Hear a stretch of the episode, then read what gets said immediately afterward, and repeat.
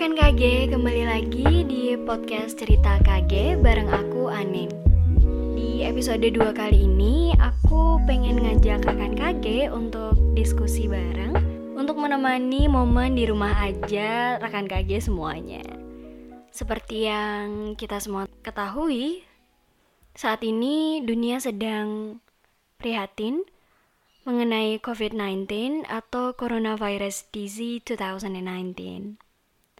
Sebelumnya, kami mengucapkan bela sungkawa yang sedalam-dalamnya atas nama keluarga BMKM FKG UGM kepada 49 orang yang terkonfirmasi meninggal dunia per 24 Maret 2020.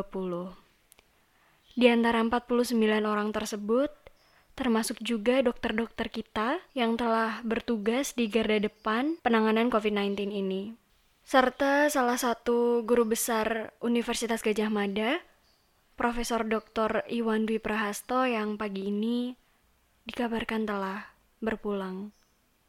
Untuk itu mari teman-teman sejenak kita berhenti dan mendoakan para korban agar diberikan tempat terbaik di sisi Tuhan Yang Maha Esa dan keluarga yang ditinggalkan diberi ketabahan yang luar biasa. Selanjutnya, mari kita update kasus coronavirus ini di negara kita. Berdasarkan covid19.go.id telah terkonfirmasi 579 orang terinfeksi, 30 orang sembuh dan 49 orang meninggal dunia. Untuk terus update, teman-teman bisa cek di situs yang sudah kita sebutkan tadi.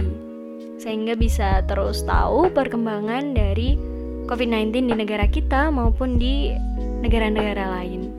Kasus ini memang terus meningkat rekan KG di negara kita ya.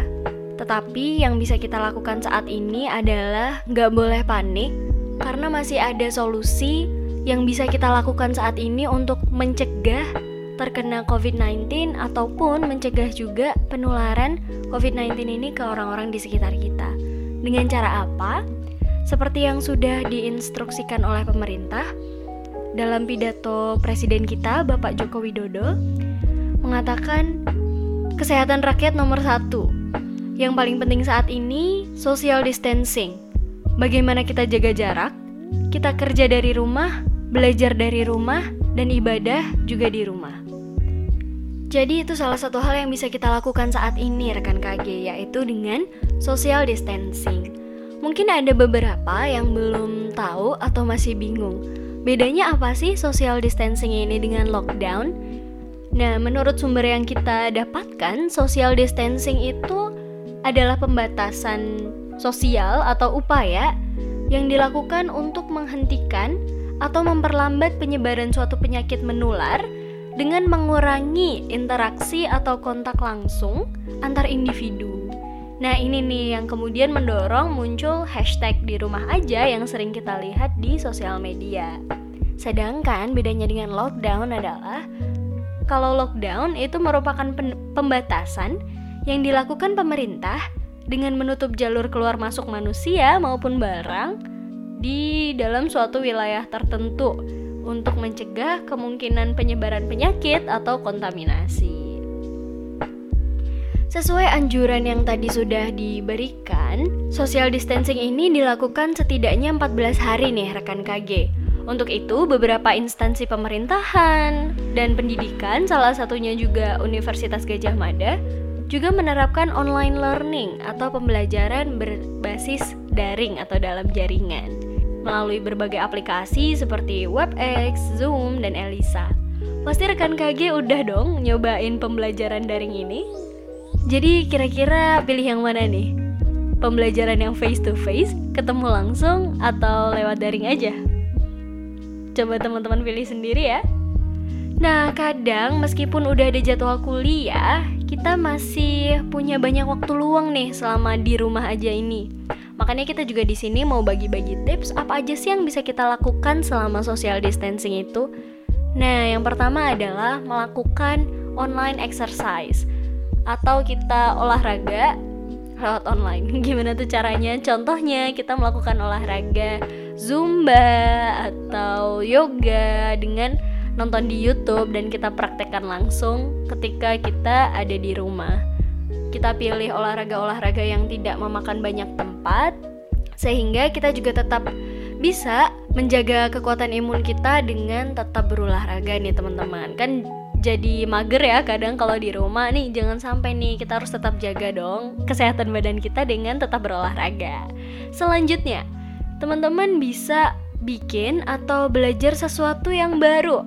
Misalnya teman-teman yang suka nulis bisa bikin cerita, bikin puisi gitu kan, atau bikin konten.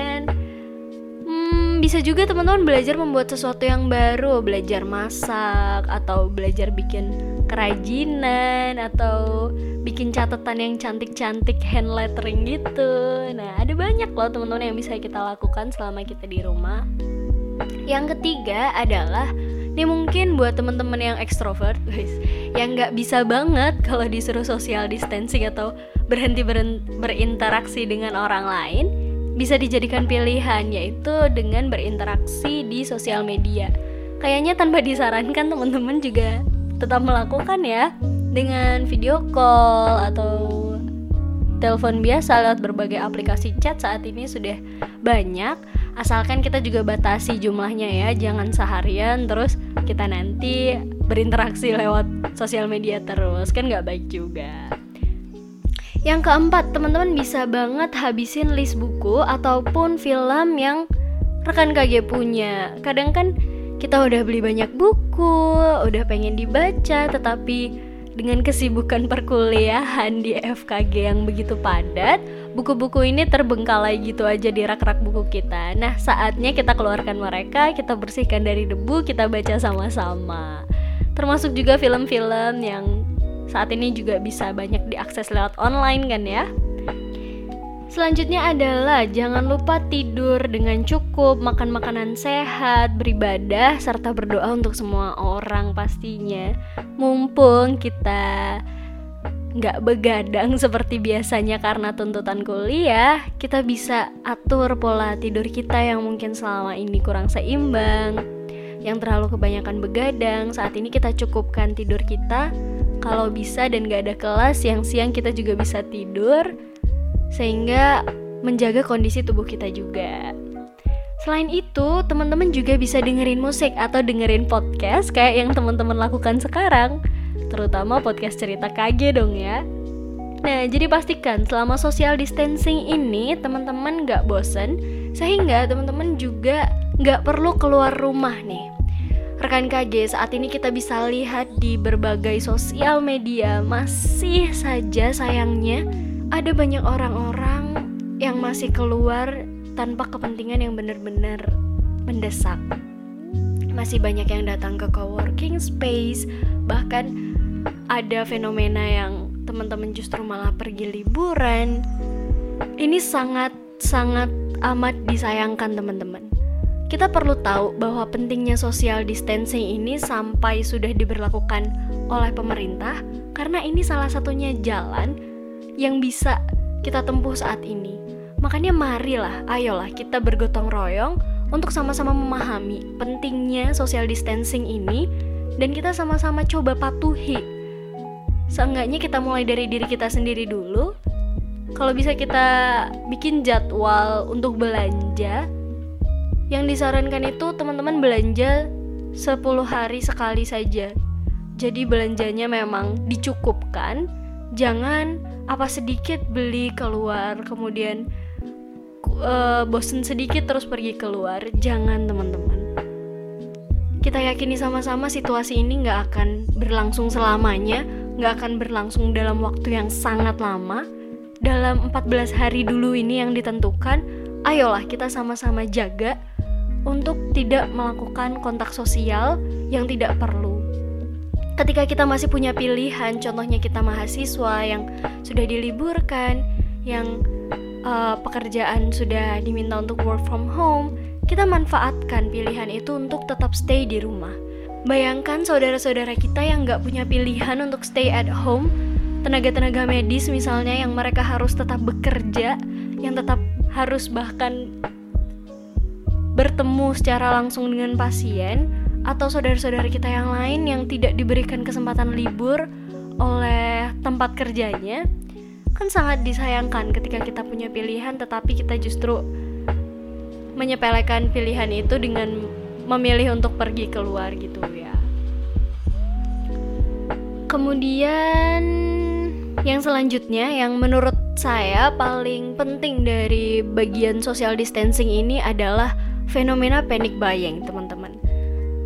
Rekan KG seperti yang kita tahu, di sosial media atau mungkin teman-teman bisa melihat di sekitar teman-teman atau dulu pernah keluar untuk membeli bahan makanan sebelum masa social distancing, panic buying ini masih banyak terjadi di sekitar kita. Panic buying itu merupakan kegiatan di mana kita membeli suatu barang secara berlebihan untuk di untuk dijadikan stok di rumah dan itu jumlahnya berlebihan banget. Contohnya nih, kita anak kos yang hanya tinggal sendirian selama 14 hari, belinya 5 beras uh, eh, 5 karung beras gitu kan. Sudah jelas berlebihan kan ya itu. Nah, kalau bisa dihindari teman-teman. Karena hal ini ternyata masih terjadi di lingkungan sekitar kita bahwa yang dibeli kebutuhan-kebutuhan yang mereka stok itu jauh melebihi batas cukup. Dan yang kita perlukan sebenarnya untuk social distancing ini adalah sesuatu yang cukup, teman-teman. Ketika semua orang ini dapat cukup, maka akan aman gitu untuk kita semua. Tetapi bayangkan kalau ada yang berlebih, maka pasti ada yang kurang. Justru di kondisi inilah yang menjadikan lingkungan kita nggak aman. Ada yang dapat terlalu banyak, ada yang bahkan sama sekali nggak dapat. Ini kan sangat beresiko ya teman-teman apalagi saat ini nggak hanya kebutuhan makanan aja, nggak hanya bahan makanan. Kita tahu yang sangat memprihatinkan adalah saudara-saudara kita di luar masih kurang pengetahuannya mengenai penggunaan APD.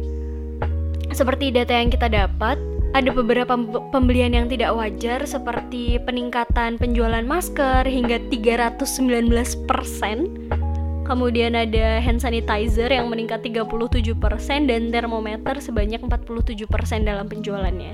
Ini angka-angka yang tidak sedikit, teman-teman. Ketika teman-teman membelinya itu terlalu berlebihan untuk diri sendiri, itu pasti akan merugikan orang lain. Terutama di sini kalau dalam hal APD adalah saudara-saudara kita yang bekerja di dunia medis.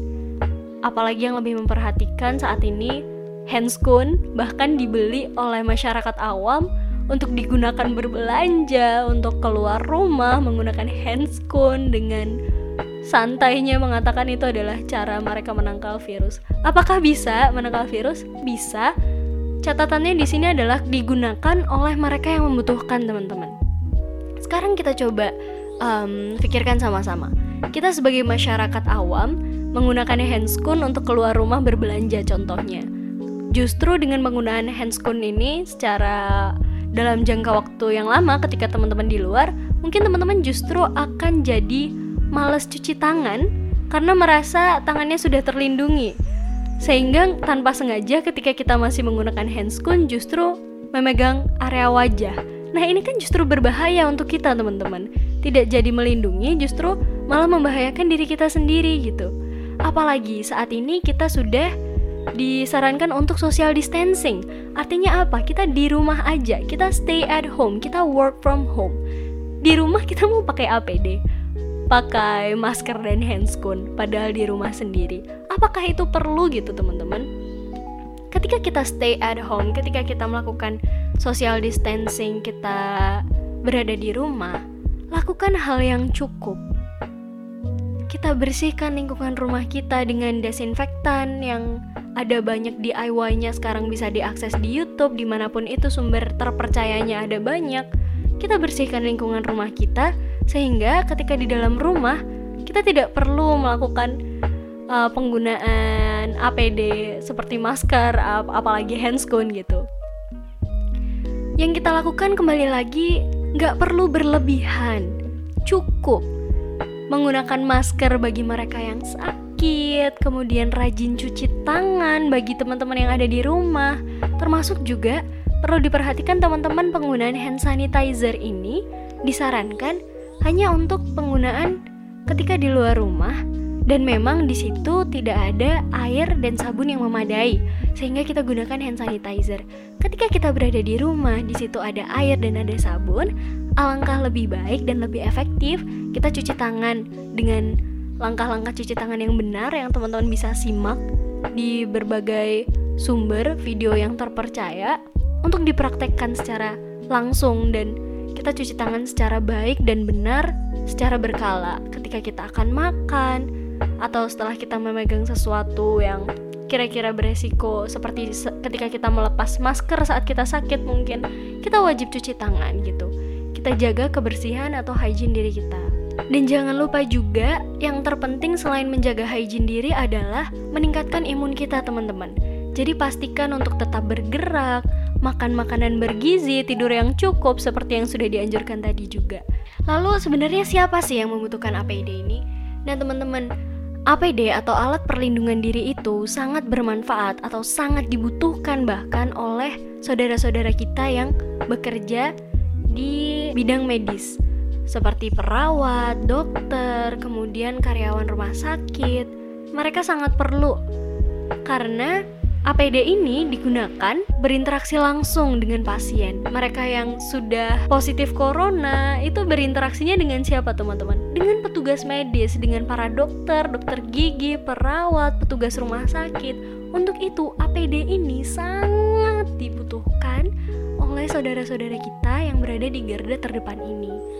Saat ini ketika persediaan dari alat perlindungan diri ini menipis, yang paling dibahayakan adalah saudara-saudara kita yang berada di dunia medis ini, teman-teman. Ketika eh, barang-barang uh, ini mulai sedikit, harganya melambung tinggi, ini sangat membahayakan. Mereka punya resiko yang jauh lebih tinggi karena berada di lingkungan yang sama, bahkan harus berinteraksi dengan pasien-pasien COVID-19. Perlu berapa nyawa lagi yang kita korbankan? Harus kita ingat bahwa COVID-19 ini tidak hanya menyerang satu atau dua individu saja, satu atau dua kota atau provinsi, tapi satu negara, satu Indonesia. Sehingga dalam menanganinya pun kita juga perlu bekerja sama-sama. Kita saling mengerti siapa yang lebih membutuhkan, peran apa yang bisa saya lakukan. Saat ini sudah tidak bisa kita memikirkan kepentingan diri sendiri. Kita harus memikirkan kepentingan kita bersama-sama. Jadi, mari kita semua menangani COVID-19 ini sama-sama. Gak perlu panik, tetap positif, tetap optimis, tetap bahagia pastinya. Kita sama-sama jaga kesehatan mental kita dan keluarga. Kita jalankan peran kita masing-masing dengan optimal. Biarkan pemerintah membuat kebijakan dan kita menaatinya kita dukung, kita support petugas medis dan relawan-relawan maupun saudara-saudara kita yang masih bekerja di luar rumah saat ini. Kepada mereka yang bekerja di garda terdepan, semoga terus dikuatkan. Kita sebagai masyarakat pastinya harus tadi lakukan peran kita yaitu dengan menjaga kesehatan diri kita sendiri dan keluarga. Jangan lupa cuci tangan jaga pola makan, tetap olahraga, jaga imun tubuh. Kemudian juga yang perlu banget kita perhatikan adalah soal penyebaran berita nih, rekan KG. Jangan lupa untuk saring dulu setiap informasi yang masuk, pastikan kebenarannya, sumber yang kredibel, baru kita sebar ke orang-orang terdekat kita. Mungkin tadi kita tidak melakukan panic buying, kita tidak melakukan um, pelanggaran social distancing, tapi tugas kita semua sama-sama adalah mengingatkan orang-orang di sekitar kita. Jadi nggak cuma kita yang bergerak, kita semua bergerak dan berdaya bareng untuk melawan COVID-19 ini. Kita berdoa biar COVID-19 ini segera berakhir, matahari kembali bersinar cerah di siang hari. Kita bisa kembali bertemu di kampus-kampus, di kafe-kafe, di ruang-ruang umum Semoga Indonesia segera sehat, semoga bumi segera menguat. Semoga teman-teman yang terinfeksi saat ini segera pulih, diberi kesembuhan, kita yang sehat tetap terus dikuatkan, Kita juga berdoa sama-sama untuk saudara-saudara kita saat ini yang sudah positif COVID-19 untuk segera dipulihkan, kembali diberikan kesehatan, dan kita yang masih dikaruniai fisik yang kuat, semoga terus dilindungi dari COVID-19 ini pastinya. Tetap semangat semuanya, nikmati masa di rumah aja dengan hal yang positif dan tidak berhenti membuat kita bahagia. Jangan lupa juga untuk berbagi rezeki yang kita punya ke saudara-saudari kita yang membutuhkan, termasuk juga untuk penyediaan alat perlindungan diri untuk tenaga medis kita. Mari kita sama-sama yakin kalau kita bisa melalui ini semua, karena bukan hanya aku, bukan hanya kamu yang berjuang, tapi kita semua. Cause we're all in this together And it shows that we stand hand in hand Make our dreams come true Itu aja dari kami. Semoga bermanfaat. Jangan lupa share ke orang-orang terdekat. Stay healthy everyone Terima kasih, sampai jumpa di episode podcast cerita KG selanjutnya.